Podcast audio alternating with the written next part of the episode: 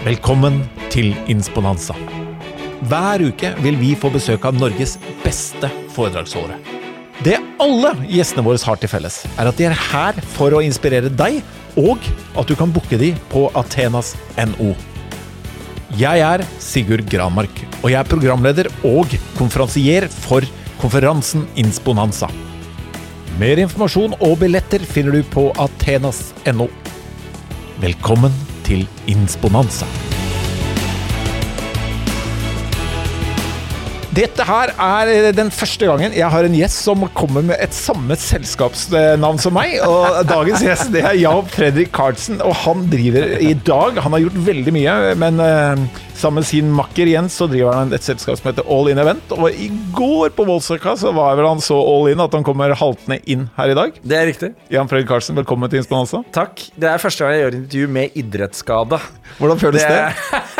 jeg tenker, jeg er jo en positiv fyr. Jeg tenker at Det er veldig imponerende at jeg har klart å pådra meg en idrettsskade. Det Ja, fordi jeg, altså, det, er, det, er, mye bedre å ha sånn en, en, en, Når man blir voksen, så ja. har man jo mye vondt, men det beste er å kunne dra fram en idrettsskade. Men ja. eh, jeg, jeg, avslører litt den forpraten vi har hatt da når, ja. du kom inn her. Men du sa at du var ute og løp på Voldsløkka.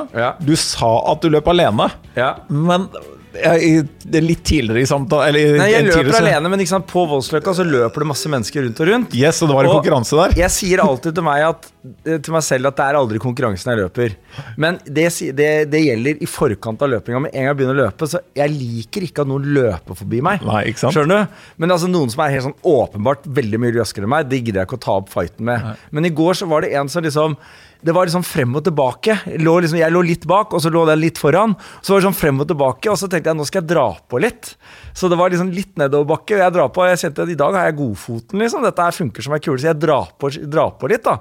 I min bitte lille verden.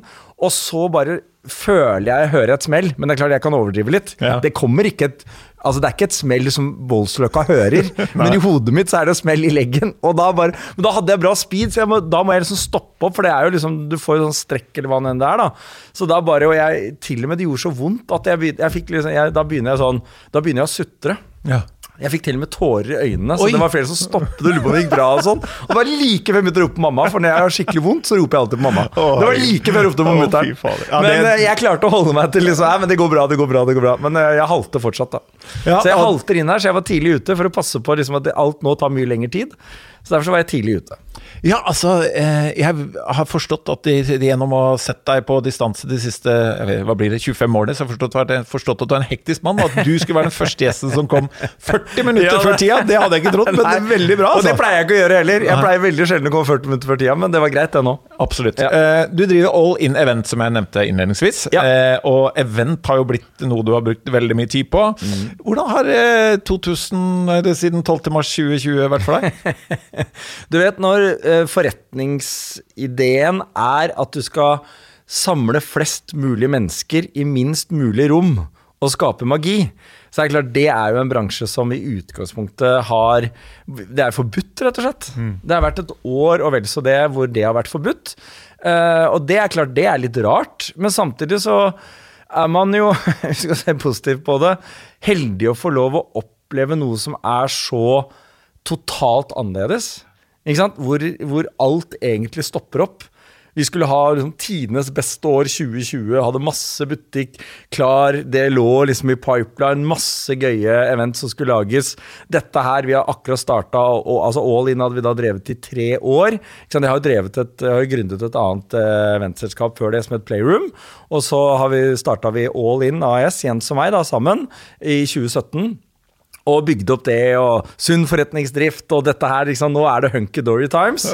Og så kommer dette her. Det er klart, det er jo en liten sånn Og vi gjorde faktisk det aller siste arrangementet i Oslo Spektrum, var 5. mars for Ski, Ski Conference, som er så gender equality-konferanse. Og Der var statsministeren, kulturministeren, næringsministeren. Alle var der. Ingen munnbind. Koronaen var liksom Alle var liksom spent, men det var klemming, og det var alt sammen. Og så er det total shutdown.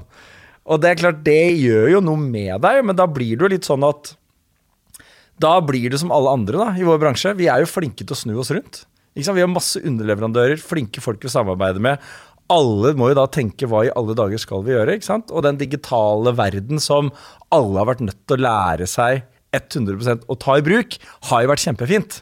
Ikke sant? Og sånn sett så har vi jobba masse med det formatet av å lage ulike podkaster, eh, digitale sendinger for de ulike kundene, og passe på liksom at folk blir sett allikevel. Da.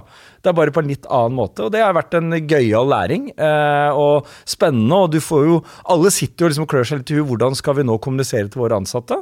Og det har vi da vært med å gjøre sammen med kundene våre. Og så nå kjenner man jo at vi er jo på vei ut av dette i en eller annen form. Så nå begynner alle møtene. Hva slags innhold skal vi lage? Det er masse jobber som sånn sett ble kansellert pga. koronaen, og som nå skal vekkes til live igjen. Men innholdet vil jo bli veldig annerledes. Fordi vi har vært igjennom noe som eh, har påvirket oss alle. da. Ja, et par spørsmål på det. Når eh, da, da eh, holdt på å si rusen og alt eh, den eh, deilige følelsen man har etter fantastisk event i Spektrum, på Ski Conference og den gjengen der som driver Det er kjempebra, det prosjektet de har, eller det selskapet. Ja når det da smeller 12.3 du, du leder jo også et selskap, ja. Eh, og du er en positiv fyr, du er mm. all in. Men hvordan responderer du? Er du da Går du liksom ok, inn i en sånn analysemodus, eller er det han vi må bare kjøre på? Hvordan responderer du på en sånn Nei, hendelse? Jeg var ganske tidlig ute og i, i, vår sammenheng, så uh, vi diskuterer jo alt sammen, men, og Jens og meg selvfølgelig som leder selskapet. Men jeg var veldig tidlig ute med å ha en tanke om at Altså, jeg er veldig positiv, men jeg er jo også realist. Ikke sant? Og når man på en måte skjønner at Altså Dette her skjønte jeg tidlig at dette kom til å ta veldig lang tid. Og da blir det på en måte å snu om hele huet mm. til er, hvordan skal vi behandle, ta vare på folka våre. Det var liksom pri én. Mm. Vi må trygge våre folk på at vi, drev, vi, driver sunt, vi har et godt selskap, vi skal ta vare på hverandre. Vi skal sørge for at liksom Det er alt fra økonomi til hvordan skal kontoret se ut, hvordan skal vi snakke med kundene våre. At vi liksom med en gang møter den utfordringen, tør å snakke om det og, og, at alt er greit å si. Er du redd for å gå på kontor? Er du redd for koronaen? Er du redd for arbeidshverdagen? Det er barn som kommer til verden. Det er mange ting som skjer. da. Så det rører seg mye opp i huet til folk. Og det tror jeg er viktig at vi som ledere tør å se, og tør å snakke om veldig fort. Og det syns jeg at vi gjorde med en gang. Og det tror jeg skapte også en litt sånn Ok, da, da, da, da, går ikke bare Carlsen bare Ja, men dette går bra, ikke, ikke noe stress, dette går fint. Det var på en måte, Vi snudde om helomvending på det. Skjønner at dette er krevende, og det kommer til å bli krevende. Hvor krevende, veit vi ikke ennå. Men at det tar tid, det var jeg helt sikker på. Og det følte jeg i mange måter at det var viktig at vi kunne si tidlig. Eh, og så var vi flinke til å liksom, snakke med våre folk om å lage en forutsigbarhet i deres hverdag. da, ikke sant? Vi måtte permittere alle sammen. Det er en rar ting. Alle må melde seg inn på Nav. ikke sant? Jeg har jo aldri vært på Nav noen gang. Jeg, ikke sant? Det, er liksom, det var jo Ingen av oss har egentlig vært det. Så det var mange sånne ting. Men um, i sammen i det da, så klarer man jo å finne en positivitet. For da blir det et samhold. Uh, og man føler at man blir sett, uh, og at man blir tatt på alvor. Og at det er greit å si at i dag har jeg en dårlig dag, eller jeg er redd, eller 'nå er jeg glad, eller ikke sant? Du får jo masse ekstra tid. Så plutselig har du masse tid til å være sammen med familien på en annen måte. Så det er mange sånne ting, da. Og jeg tenker at det er greit at man kan snakke om, og det, det opplever jeg har vært en, en fin ting for oss i All In, at vi har klart å gjøre det. Uh, merker for det første at det er rart at du sier all in. Jeg tenkte, Er ikke det mitt? Ja, Det er mitt. det, er sånn helt, det står til, til med under på men Vi har med bindestrek. Du har uten bindestrek, vi har ja, med bindestrek. Det er helt riktig. Ja. Uh, uh, men det, det, er fordi det jeg syns er spennende. Da. Man undervurderer fort man, hvis man skal holde foredrag med deg, og du har vært manageren til Kurt, og du har vært masse på TV og alt mulig rart. Hvor ser det. Men, men du det er jo også leder. Jeg har jo også gründer, drevet selskaper. Ja. Derfor er det litt spennende å stå i det. Og hvis du tenker all in kommer hvis, hvis, du ikke skal snakke et sånn bransjehatt da, på vegne av eventbransjen, men eh, hvis du sier at vår jobb da, stort sett er at livet skal skje for oss og ikke mot oss. Ja. Eh, hvor mye bedre er all in på andre siden av korona enn de gikk inn i korona? Det er et uh, interessant spørsmål som jeg ikke tenker at uh, man fullt ut har et klart svar på enda. Men det jeg tenker er at det som er gøy med eller ja, gøy med koronaen, da, hvis du bruke, kan bruke den betegnelsen, er at eh, det at alle har lært seg de ulike digitale virkemidlene, som ellers på en måte tenkte at det trenger jeg ikke å lære meg, har alle vært nødt til å lære seg det. Og Det betyr at når vi kommer ut av korona, tror jeg alle arrangement vi skal lage, eh, skal vi ha fysisk tilstedeværelse, og så skal det være like bra digitalt. For det er mange folk som ikke kan komme. Og folk skal ta del i det. Så nedslagsfeltet er større. Det er bredere. Folk har lært seg det digitale plattformen som gjør at det er veldig mange flere som kommer til å se på det, og bruke det som på en måte Ja, men da går jeg inn der, og så må vi lage et eller annet som er inspirerende og spennende og eh, aktivt i forhold til det å være en digital seer. da. At ikke du blir en passiv seer, men at du er en aktiv seer i forhold til det som skal formidles der. Og det blir like mye. Derfor så blir det jo flere ingredienser som blir like viktig eh, nå etter koronaen enn før koronaen. Ja. Og det, sånn sett så gjør det også at alle de som driver med levende bilder og skal være med å skape disse tingene, alle de som lager de ulike eh, digitale formatene på hvordan du skal oppleve en kongress eh, digitalt, da. Ja. Det er mange sånne selskaper som vi har hatt møte med som vi ellers egentlig ikke har kjent så godt til. Det har vi hatt tid til å lære oss, tid til å møte de, forstå hva de lager. Og det kommer bare til å fortsette å utvikle seg. Og det betyr at vi skal romme mer når vi skal ut av koronaen og lage arrangement for folk. Ja. Og det blir gøy. For da er det miksen av hva man setter sammen, som sånn sett gjør at vår bransje også flytter seg, da. Ja, og jeg, jeg tror jo bransjen at man, det er en sånn modernisering. Og så tror jeg også det er en form for eh, sunn uh, renselse og utvasking som skjer også i sånne bransjer gjennom sånne prosesser. Ja. Det jeg uh, har hørt om deg, og, og også plukket opp litt når vi Man havner jo litt i sånn intervjufase uten at du vet det, nesten. Når man møter folk som skal være med på podkasten Ja, ja. om noen minutter, så blir man litt mer våken. Men det jeg har hørt om folk som kjenner deg, folk som har truffet deg, både at du er, du er opptatt av folk, glad i folk, og, og du allerede flere ganger snakker om Når du snakker om når vi møter folk, så er det ofte kunder. Eh, I dette aspektet med, med korona, det digitale, hvordan syns du det har vært å jobbe med kunder? Og kundekontakt og kunde, typ kundepleie og Altså det, jo vært, det har jo vært en, For min egen del så har det vært en, sånn stor læring, og jeg tror de aller fleste har kjent på sant? Jeg er glad i å være, altså møte folk fysisk, være til stede i rommet, møte menneskene, lese rommet, kjenne på opplevelsen av hva er det folk egentlig tenker. For Ofte så sitter man og skal selge inn et eller annet, et eller annet konsept, en eller annen tanke, et eller annet budskap. Så er det jo sånn Å lese rommet, er folk med på det jeg snakker om nå, eller ikke? Ikke sant? Og hvis de ikke er med på det, så må jeg jo skifte taktikk for å få de til å forstå hva jeg egentlig prøver å formidle. da. Og det er en del av det jeg syns er spennende med å gå inn i møte med masse mennesker du ikke kjenner. Det er, eh, er å på en måte lese rommet. Hvordan oppleves det som blir formidlet? da. Det er mye vanskelig å gjøre digitalt. Ikke sant? Så det å sitte på et Teams, eller på Zoom eller andre steder hvor du har disse møtene, så er det, det er en helt annen distanse. Som ganske, har vært krevende læring for min del, men som har vært kjempespennende å lære. Fordi at du skal da både være modig nok til å stå i det du sier. Fordi at når du sitter på Teams og prater, så er det litt med den der at da er det du snakker ikke munnen på hverandre, eller det er ikke den samme kommunikasjonsformen. Du rekker opp hånda, og så sier du et eller annet, og da er rommet ditt. Ikke sant? Og da står du liksom på en måte midt på scenen, spotlighten rett på deg, og det er bare du som prater. Og alle andre har muta, så du hører ingen reaksjon, ingen respons. Og plutselig kommer det noen inn i rommet til de som sitter her, så de går til og med ut av kamera. Så du ser det ikke, det står bare initialene dine, liksom. Det er klart, det er en litt krevende. Da skal du bare stå i det og tro på det du sier. Men du mister den fysiske dimensjonen. Du mister den måten å lese rommet på på samme måte. Og det har jeg lært meg masse i forhold til at jeg må bli enda flinkere til å lytte. Ja, ja ikke sant? Ikke sant? Og, og på en måte passe på at de tingene jeg ønsker å formidle, for du har et mye mindre rom til å kunne beskrive hva du egentlig mener, som er litt mer skjerpa på hva som faktisk skal formidles, da. Ja, og når vi kommer ut av Nå er vi jo sånn eh, ut av starten på slutten. Kanskje har starta til det eventuelt muterer igjen. Ja. Men eh, også når, eh, når vi da kommer til kall det den nye hverdagen, da, hvor man sier at vi vil bruke mer Teams-møter, tror du vi bør være nøye på hvilke møter vi har med kunder som er Teams-møter, og hvilke som er ikke? Ja, men jeg tror det som har vært veldig Igjen, hvis man skal se det positive i situasjonen Det fine med at det har vart så lenge at jeg tror alle har fått en slags egenevaluering av hva er det vi har mistet. Hva har vi fått? Ikke sant? Det er mange, Vi kan effektivisere masse. Masse møter man kan på mange måter ta på Teams. Korte avklaringer. Er ikke nødvendig å bruke masse tid på å reise og møtes og sån, sånne type ting. Det tror jeg alle liksom har kjent at det har kanskje vært litt ålreit å lært seg. Så at vi blir litt mer effektive i hverdagen.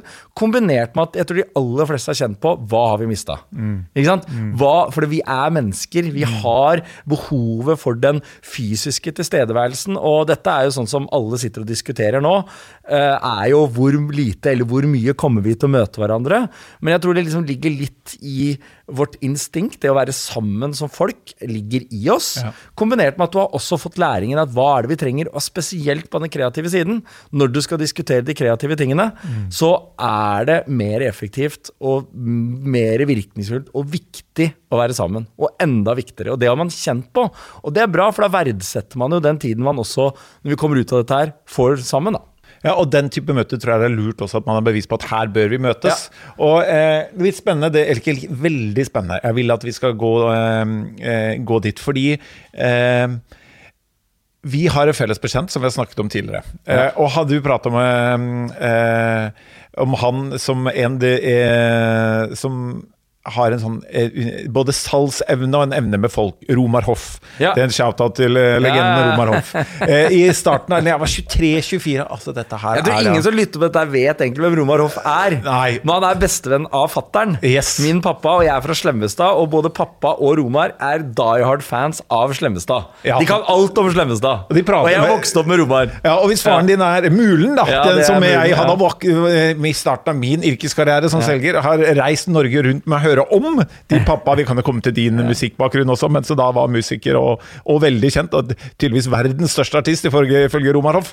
Men eh, da jeg, jeg og Romar reiste Norge rundt eh, i, eh, i, eh, med Oki-printere og rundt i IT-bransjen og solgte til forhandlere, så noe av det første Romar sa til meg, han sa 'hva skjedde her'? Fortell meg om dette møtet. Og da husker jeg han eh, så på meg og sa sånn Ja, men du prater jo bare om det som blir sagt. Og da var jeg sånn eh, Jeg var jo ung og naiv og bare Ja. Hva annet skal jeg prate om? liksom sånn det viktigste som skjer i alle møtene vi er, det er det som han sa mellom linjene. Det er det som ikke blir sagt, som du må lære deg å forstå og lese. Og da sier jo du 'lese rommet'. Og det å lese rommet fra deg altså, Er det noe man rett og slett bare må begynne å bli bevisst på? Eller har du noen teknikker sånn 'jeg passer på hun, jeg passer på den'? Hvordan, hvordan leser du rommet? For jeg tror jo her undervurderer veldig mange summen av den ferdigheten i løpet av tolv måneder i næringslivet, da. Ja, altså, om jeg har noen teknikker jeg, Det er i hvert fall selvlærte ting av at eh, jeg må kunne så godt det jeg skal snakke om, at jeg egentlig, egentlig tenker på det jeg skal snakke om. Det må ligge naturlig. Altså, fa, det vi er et tema vi Ja, er her for å å det, diskutere. hvorfor er jeg i dette Ja, møtet? Hva ja. er årsaken til at jeg er i dette møtet? Det, den kunnskapen jeg har om det som eventuelt skal formidles eller selges eller prates om, det må jeg kunne veldig godt. Fordi at da har jeg, da har jeg overskudd og kapasitet til å se folk. Folk ønsker å bli sett, og det er sånn, du kan forberede møtet, du kan forberede hva du skal si, men du aner ikke egentlig helt hva du møter. Og det tror jeg, istedenfor at du da bare går på det du har bestemt deg for å snakke om, og bruker all fokus på det, så glemmer du de du er i møte med. Ikke sant? Og det å se menneskene, det er liksom Er det én ting jeg er helt sikker på i forhold til min erfaring, er at det vi alle elsker, er å bli sett. Blir du sett, blir du forstått, blir du hørt? Det liker vi. Det er, det er en tilstedeværelse som er veldig god å kjenne på. ikke sant? Og det tenker jeg at det gjelder i hvert eneste møte jeg Jeg sier ikke at jeg alltid klarer det, men jeg har veldig stort fokus på liksom menneskene som er der, at jeg er interessert i de. Det, liksom, det ligger jo helt fra jeg var født, så har jeg alltid vært interessert i folk. Så det er på en måte en medfødt egenskap som jeg har helt naturlig.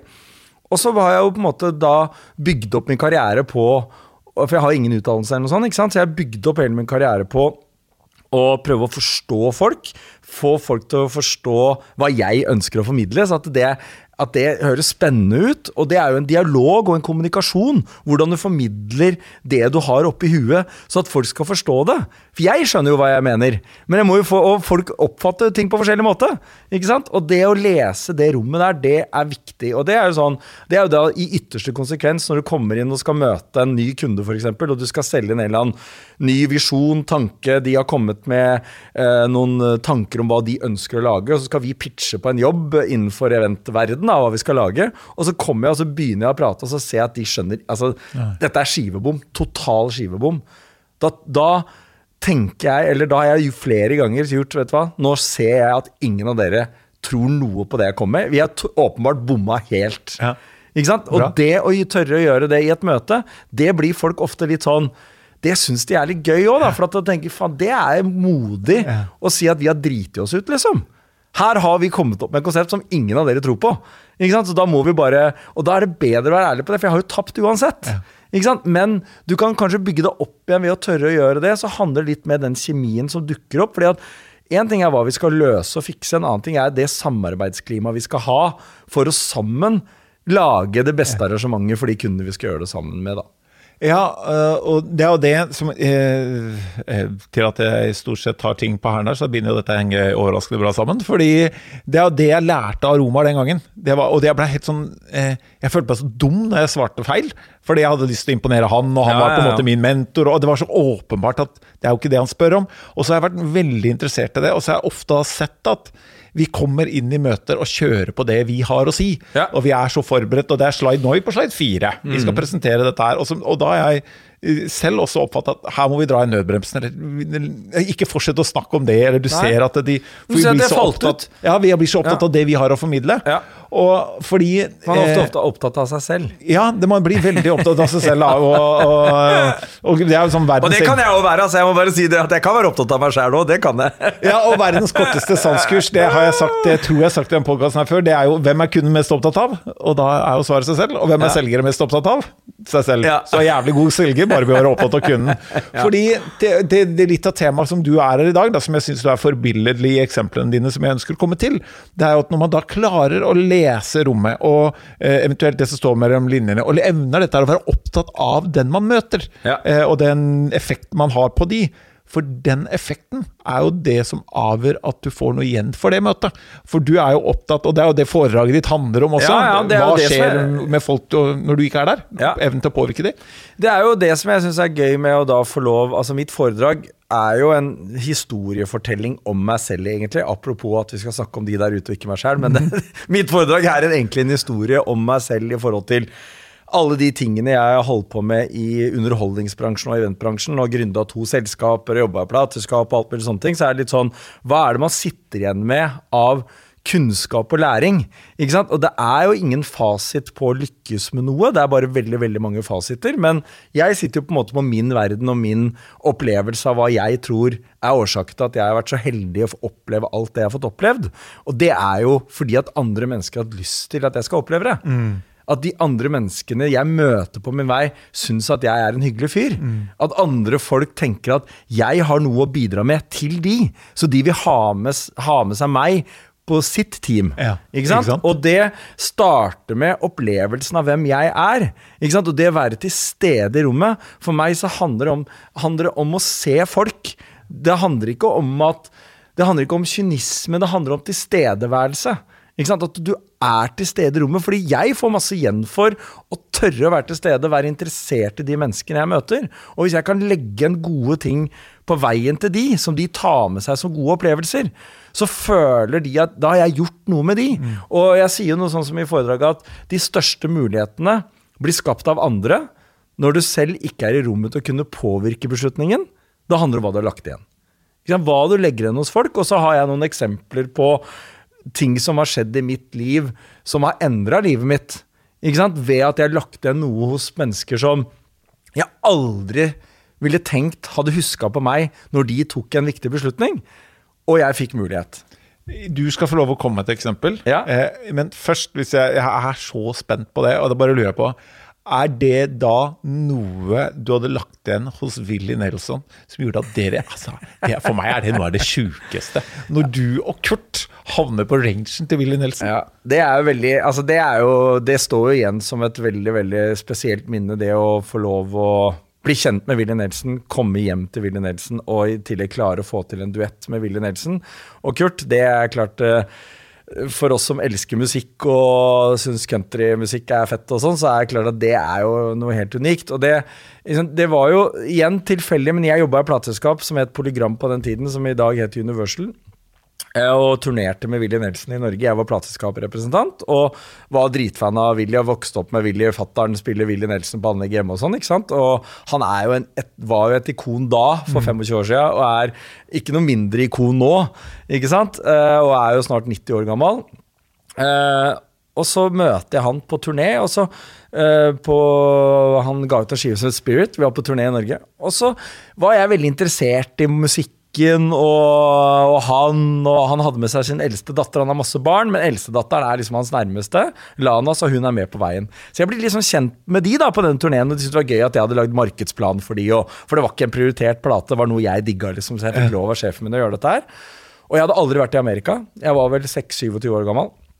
Og så er det liksom sånn der, og de, det blir skikkelig god stemning, og så sier de til meg du, du må komme til Austin, Texas og besøke oss. Og jeg hadde, liksom, det jeg hadde lært meg, det at alle amerikanere sier sånn yeah, when, you, when you're in, in New York, just uh, look me up, liksom. Bare kom og bo hos meg, og sånn. At det er sånn høflighetsfrase. Tenkte, jeg, det var jo kjempehyggelig at de sier, men det kommer jo ikke til å skje. Og så dro de hjem 18. mai, jeg tror det var 97. Uh, 96 var det. Og så, uh, 17. juni, så er det bursdag. Så er jeg på kontoret. Så kommer det sånn der, eh, TNT-bud med en pakke fra Willy Nelson. Med et lite brev hvor det sto sånn der eh, fra Lana og Willy da, at det var så hyggelig å møte deg i Norge, og sånn og sånn, og vi mener det virkelig. Du må komme, og hvis du har lyst til å komme og besøke oss, her er telefonnummeret, ring meg. Så fikser vi dette her. Så første jeg dro til Amerika, påsken etter, i da 97, så dro jeg til Willy Nelson og var da første gang i Amerika, i Austin, Texas. Bodde på hjemme på ranchen hos Lana og Willy, og var der i ti dager. Og så gjorde jeg det tre år på rad. Og så gikk min karriere videre og alt mulig sånne ting som det, og begynte å jobbe med Kurt Nilsen. Og så tenkte jeg liksom Vi sitter på Grønland på en fisketur for TV 2. Sju dager på en sånn fangsthytte på Grønland. På dag fire så ligger Kurt og meg i sengen, så får ingen av oss sove. Og så, du vet Når du ligger inne mørkt i rommet, så hører du bare pustinga, at du skjønner at han sover ikke. Så jeg var sånn Kurt, sover du, eller? Han bare, nei, jeg får ikke sove. Nei, ikke heller. Skal vi ikke gå og sette oss ut og så se på himmelen, da? Så satt og så vedstabel, tok med seg dyne, og så tok Kurt med seg kassegitaren. Og så spiller han en låt som heter Rise to the Occasion, hvor han hadde begynt å skrive en ny låt. Første jeg hører den låta. Og så sier jeg faen, Nils, dette er jo jævlig bra låt, liksom. Tenk deg gjort en duett med Willy Nelson, da. Og han bare ja, det hadde vært helt sjukestue. Ett år etterpå, etter den grønlandsturen, så er vi borte hos Willy. Og gjør låta. Ja, og det, for meg er det sånn det, hvis, du, hvis, man lurer på om alt er mulig, og hvis du lurer på hvor stor Willy Nelson er Jeg er ikke opplest med, på musikk, men jeg, jeg, har sett den historien der og skjønt hvor stor han er. Og ja. jeg har også sett opptakene når Kurt synger for de første gang. Ja, ja. Og de syns han var flink. altså det var helt det, Og det sier så innmari mye om Willy Nelson, da, for du kan tenke deg han er noe av det aller, aller største du får i Amerika. Ikke sant? Det er sånn det, alle målinger, De hadde en måling for noen år siden hvor det var sånn der Hvilken amerikaner, levende og død, er de du kjenner best? Willy Nelson går på sjuendeplass. Ja, av alle! Ja, av ikke sant? Er sånn, han er folkesjela, og han er likt av absolutt alle. Det er ingen som ikke respekterer eller liker Willy Nelson. ikke sant? Og når vi var der borte og gjorde den duetten, så var det sånn Han likte det Kurt hadde. For, for, altså, Kurt betyr egentlig ingenting for Willy Nelson, men fordi at han er opptatt av musikk, opptatt av talenter, opptatt av utvikling, at han syns Kurt var jævlig bra. Så hvorfor skal jeg ikke hjelpe han, liksom? Skjønner du? Og jeg bare den der, og jeg husker jeg sa til Kurt når vi gikk ut av turnébussen etter at vi har sittet inne i bussen og blitt enige om at den duetten skal vi gjøre, så sier jeg til Kurt dette her er bare å ta med seg og lære. Når du går et eller annet sted i Bergen, og det kommer en dude på 21 år gammel med kassegitar og syns du er det feteste i hele verden, bruk tre minutter på han fyren. Du har ingenting å tape på det. Fordi du får igjen Altså, du gir tilbake, og du får igjen. Og Willy Nelson, altså eksemplarisk. Helt rått. Nydelig eksempel. Der fikk jeg, Det var en av de for meg personlig viktigste tingene å få høre hele den historien. ja. Men andre eksempel når du sier som, ja. du, som du drar i foredraget ditt, er du faktisk det med å etterlate inntrykk har At man også har fått noe igjen, og at det har skjedd noe, noe, noe større mm. ting. Ja, det var jo Altså, jeg som sagt, altså jobba jeg i plateselskapet i fem år og fikk lov å jobbe med Norges største stjerner og verdens største stjerner. Og være på veien og være promosjef i Norge for dette plateselskapet. Og være veldig heldig å møte masse av sine helter som man har digga når man var bitte liten. Og mm. de aller fleste som jobber i musikkindustrien, er jo musikkentusiaster. Ikke sant? Eh, og det er jo også jeg. Eh, så det var jo helt fantastisk. Og så fikk jeg jobbe med Morten Abel og Lene Marlin og Sissel Kyrkjebø og sånn. Så starta jeg da for meg selv. For da tenkte jeg da har jeg jobba med verdens største stjerner og Norges største stjerner. Så jeg kan ta alt det jeg har lært her, inn til å bygge et helt eget selskap og finne ukjente norske artister og gjøre det til store stjerner. Så ble det min drøm og visjon, da. Og da starta jeg Playroom i 2002. Men det er klart da, og jeg hadde signa to artister, en som het Askild Holm og en jente som het Wenche Knutson. Var liksom mine to første artister. Men det er klart det tar tid å bygge opp artister. altså Det skjer ikke over natta. da. Og det er jo ikke sånn at det var masse income. altså Det var ganske sånn utfordrende tider, det der. Men veldig spennende, veldig gøy. Og så ringer telefonen Jeg hadde drevet et halvt år, så ringer telefonen. Da var det en som het Trond Kvernstrøm. Uh, og han starta et produksjonsselskap som het Monster. Han det et års tid. Så han lurte på om vi hadde tid til å ta et møte. Så ja, det kan vi gjøre, liksom. Så møtte vi hverandre, og jeg hadde møtt han da to ganger før, tre år tidligere. I forbindelse med Hit Awards på TV 2. Lene Marlin skulle vinne fire priser. Norges største artist. Vi reiste verden rundt og solgte millioner av plater i utlandet. liksom. Dritsvær. Var på to korte møter med de.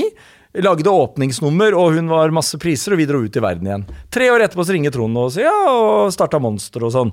Kan du ta et møte? Ja, det kan vi gjøre. Setter vi oss ned, og så sier han de har fått et prosjekt de skal gjøre for TV 2. Og det er noe som heter Pop Idol i England. Vi vet ikke helt hva vi skal kalle det i Norge, men vi tror vi skal kalle det Idol. Ikke sant? Og jeg blir jo supergira og kaster meg rundt, og vi sitter og diskuterer og prater om alt dette her. liksom, Syns dette er kjempespennende. Og etter hvert så kommer det frem til at han har lyst til at jeg skal være med og bidra til å gjøre dette til et norsk format. da, ikke sant? Og være dommer og alt mulig sånne ting som det. Og Det er klart, det var et helt sånn dødsspennende møte. Jeg hadde 3 kroner og 50 øre på konto og to ukjente artister som jeg tenkte jeg skulle prøve, hadde veldig stor tro på. Og takker ja til å gjøre dette her, og begynner å jobbe med TV 2 og Rolf Nell og alle de menneskene som har vært bidragsyter til å skape Idol. Og det var banebrytende i sin tid. Det er jo 20 år siden, liksom, snart. Og, og det var jo startskuddet for Playroom. Ikke sant? Det, eh, Idol ble en kjempesuksess. Kurt Nilsen kom, vi begynte å jobbe sammen. Vi lagde Idol-turné i Norge som jeg produserte, som jeg tok gjennom mitt eget selskap, som skapte omsetning i mitt selskap, som lagde grobunn for det selskapet. da. Ikke sant? Og måten jeg kunne bygge det ikke sant? Og det er litt sånn du, Det kreeres noen muligheter. Du får en mulighet, og du forvalter den muligheten. Med alle de artistene og de menneskene jeg har gjort. Og Trond Kvernstrøm, som har møtt to ganger før, som kunne ringt til hele norsk musikkindustri. Alle ville sagt ja til å være med på det, men hva han huska av meg tre år før, Nydelig. var grunnen til at han ringte. Jeg hadde ikke nubbesjanse til å påvirke den beslutningen av at han skulle ringe meg. Det handla om hva jeg hadde lagt igjen hos han når jeg møtte han den gang da, når han jobba for nordisk film. Ikke sant? Og det er de møtene der som skaper muligheter.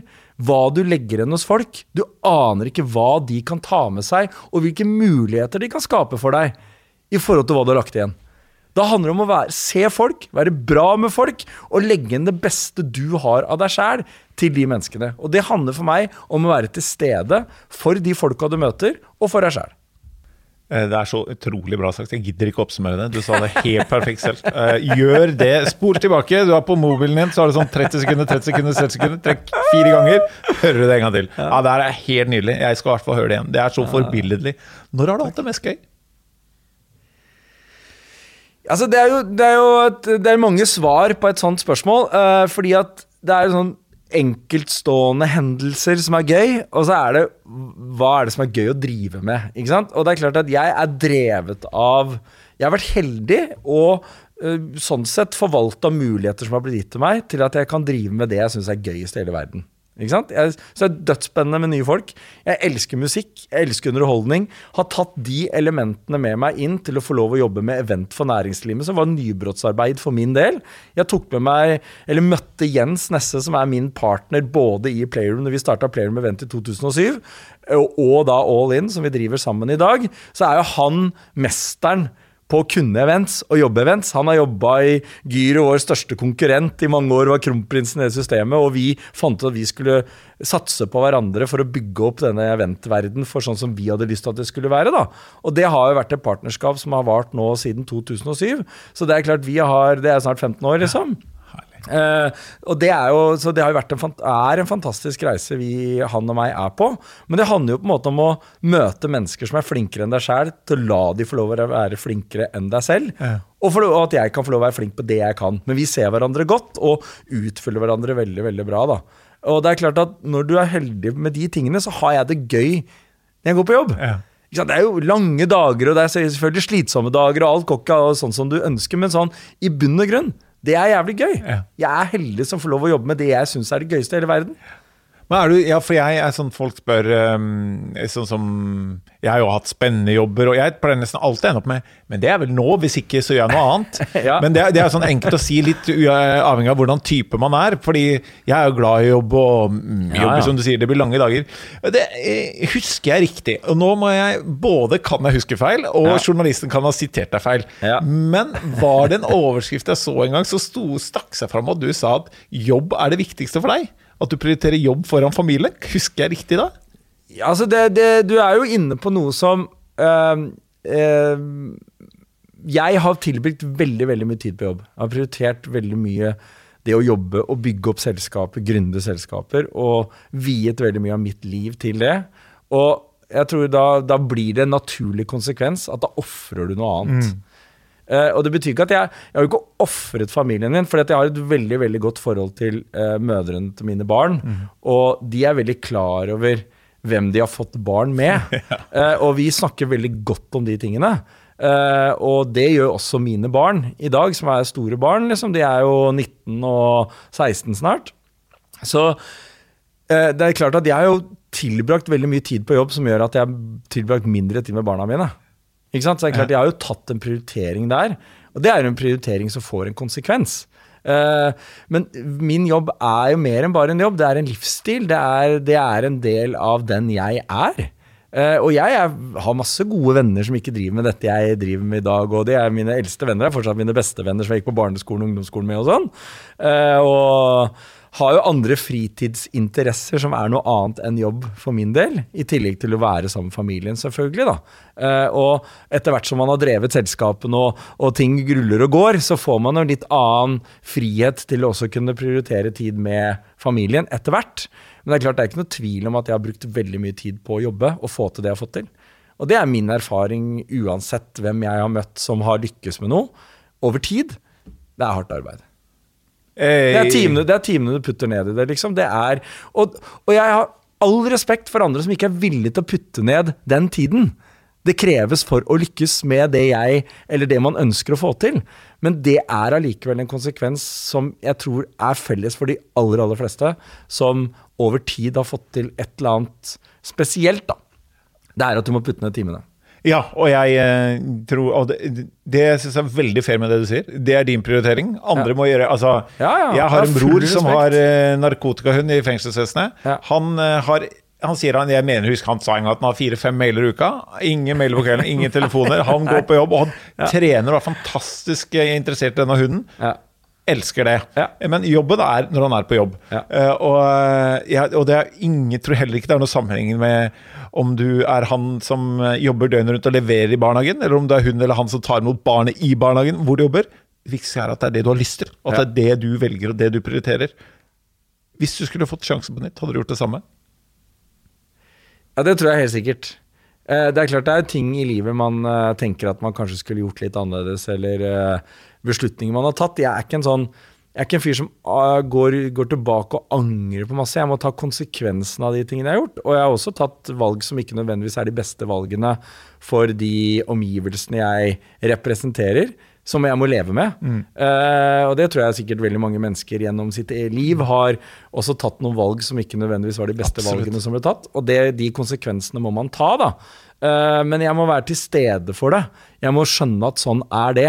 Og jeg kan i hvert fall ikke straffe omgivelsene for det. Og jeg kan ei heller straffe meg sjæl for det. Jeg må lære av det. Skjønner du hva jeg mener? Og ta vare på og forståelsen av den konsekvensen det fikk, eller de konsekvensene det vil ha. da, Og prøve bare å bli bedre på ting. For man kan jo alltid bli flinkere og bedre. Og man lærer jo hele tida.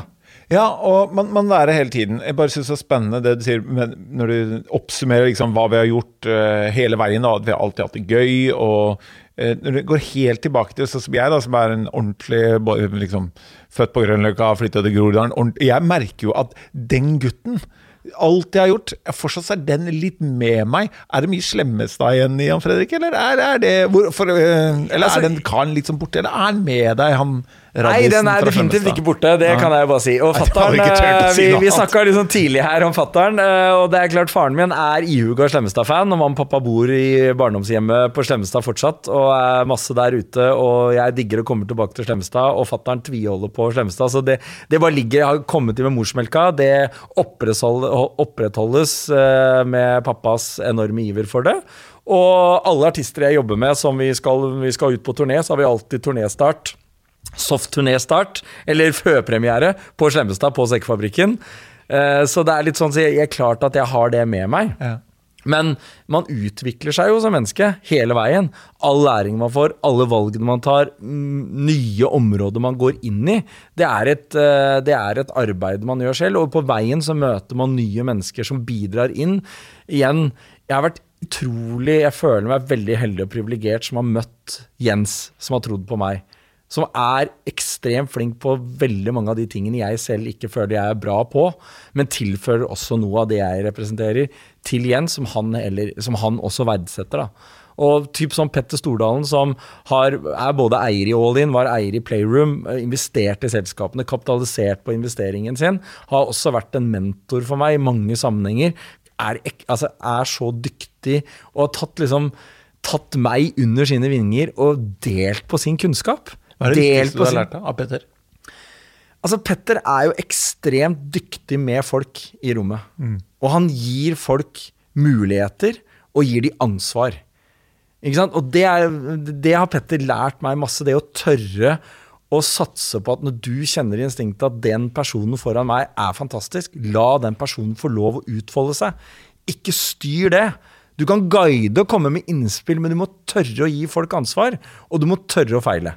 Ja. Ikke sant? Og det er klart at For du kan ikke kontrollere alt. Men den, der, den følelsen av å bli viet et ansvar når du stoler på den personen, og den personen kjenner at du stoler på At jeg stoler på deg, og du kommer ut og du vinner med det, den der tilfredsheten der er så rå, da. Ja. Og Det er jo blant annet noe av det jeg har lært av, av Petter. Og han er jo en fantastisk sparringspartner. Jeg, um, det er jo mange ting innenfor forretningsvirksomhet og grundige selskap som jeg ikke kan, mm. og som jeg fortsatt ikke kan.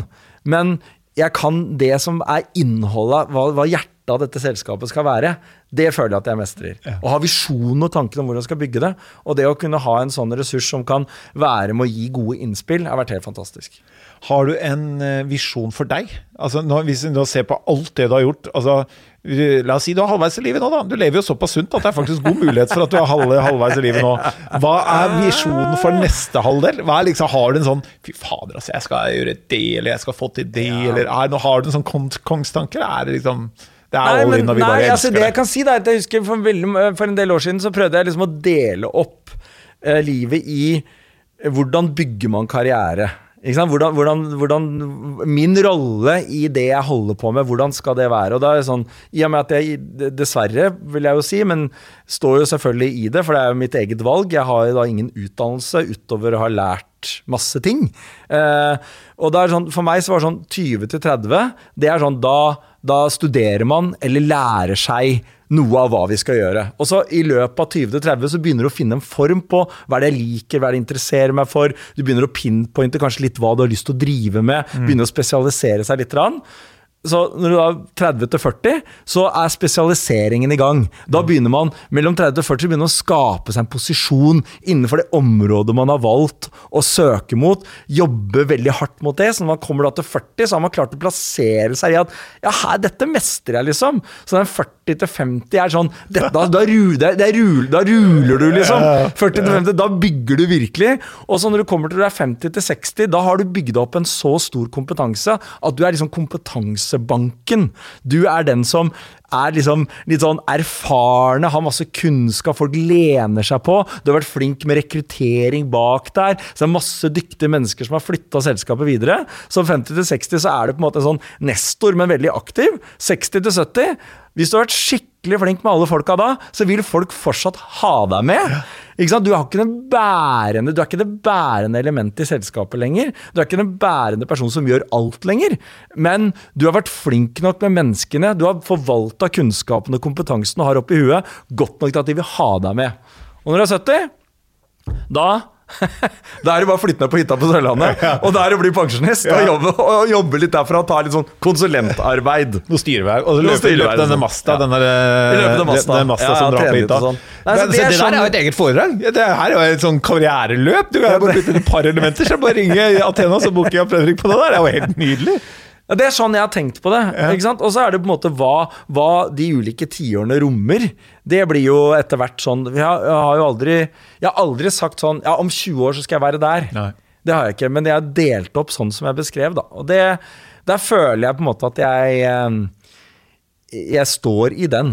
Hva er visjonen til Jeg hører øh, eh, når, når du snakker om All In og dere, Ja. eh, hva, hva er visjonen til All In Event? Har dere sånn, det er noen ord, da, men har dere, har dere igjen sånn kongstanke om, om hva dere ønsker å skape her? Siden det andre du fikk, var jo, har jo også, bare til dere som eh, vurderer Jan Fredrik, han har også vært med starte, gründet et selskap og solgt det. eh, Ja, det- Med suksess. Det er, det, det er så mye læring på veien her, da, for, eh, for dere som lurer litt på, på erfaringsbakgrunn her. Men så har du starta på nytt, og da ofte da så blir man jo litt eller tror jeg, da, at da har man hatt en runde, man blir enda mer leken, enda mer sånn Man vet kanskje et tydelig bilde av hva man ønsker å oppnå. Hva vil dere? Altså, vi jobber jo for kunden altså, vi, vi jobber i en kreativ bransje hvor vårt Det gøyeste vi veit om, det er å eh, tilgjengeliggjøre og skape øyeblikk for de som sitter i salen, til at de tar med seg noe av det, den opplevelsen, at den opplevelsen har vært unik for de. Vi, er, vi jobber med opplevelsesbasert kommunikasjon. Vi skaper magiske øyeblikk for folk på vegne av våre kunder. Det er vår profesjon. Det er det vi driver med, og det får du ett shot til. Når du gjør et live event, så har du den muligheten der og da, på det tidspunktet. Det er å bygge den. Om det er eh, fagdag midt på dagen, eller verdens gøyeste fest på kvelden, eller en konferanse som går over flere dager, eller om det er et eh, bryllup med magiske øyeblikk som skal drysses utover, så er det å skjønne publikummet, se publikummet, se de menneskene vi skal gjøre dette for. For vi gjør jo ikke dette for oss selv, vi gjør det for de som er i salen, og skjønne det best mulig. Og veldig ofte så er det sånn at det er ikke nødvendigvis ordene du husker av hva som ble sagt, men det er følelsen du fikk når det ble sagt. Og Det er den følelsen vi leter etter hele tiden, og det er det vi jobber med for kundene våre. Så vi, vi jobber, gjør det for de, for det er det vi syns er gøyest. Når den opplevelsen dukker opp. Og det tror jeg å trekke kunden inn i sin visjon bør flere være glad i å gjøre. Det tror jeg er veldig lurt. Siste spørsmål før vi bare skal oppsummere. Hvilken følelse, eller hvilket event og hvilken følelse satt man igjen er det som av alt du har lagd? Det kan være det lille bursdagen, eller det kan være VG-lista, eller det kan være noe choice Hop Hva er det, hva er det, liksom, hvilket event kommer til deg når jeg sier hva er det feteste du har lagd? Det er, eh, det det er jo som Veldig mange svarer på et sånt spørsmål at det er mange opplevelser, da. Men øh, jeg kan kjenne igjen ikke sant? Jeg kommer fra musikkindustrien og har tatt med meg den opplevelsen av å lage verdens gøyeste settliste. Det er det samme som å lage den beste fagdagen. Det er hvordan du bygger dynamikk, dramaturgi. Når skal vi le? Når skal vi gråte? Når skal jeg klemme deg? Når, når er jeg stolt? Når blir jeg sett? Altså Alle de elementene der. Det er som å lage en settliste på en konsert. Det er sånn min inngang til hvordan vi skal lage et perfekt event på. Men jeg må jo si at den opplevelsen jeg hadde når vi gjorde Kurt, Espen, Alejandro og Askild, eh, de fire sammen, eh, Linn Nilsen Fuentes Holm, og vi skal ut på veien, har ikke solgt spesielt mange billetter egentlig. Det var egentlig ingen som catcha hva vi skulle gjøre, men jeg klarte å få det inn på Skavlan. Og de skulle gjøre Halleluja, og det er fire karer, én kassegitar. Jeg står oppe i studio NRK, og de setter seg ned og gjør et intervju. Og Espelin begynner å spille gitar, og gutta begynner å synge. Og når tonen til Espen og Kurt på slutten drar den høyeste, lyseste tonen, og alle i studio står og griner, til og med Fredrik Skavlan. Og altså, internett raser sammen. Vi selger alle billetter. Vi selger ut tre Oslo Spektrum. Altså, det var bananas.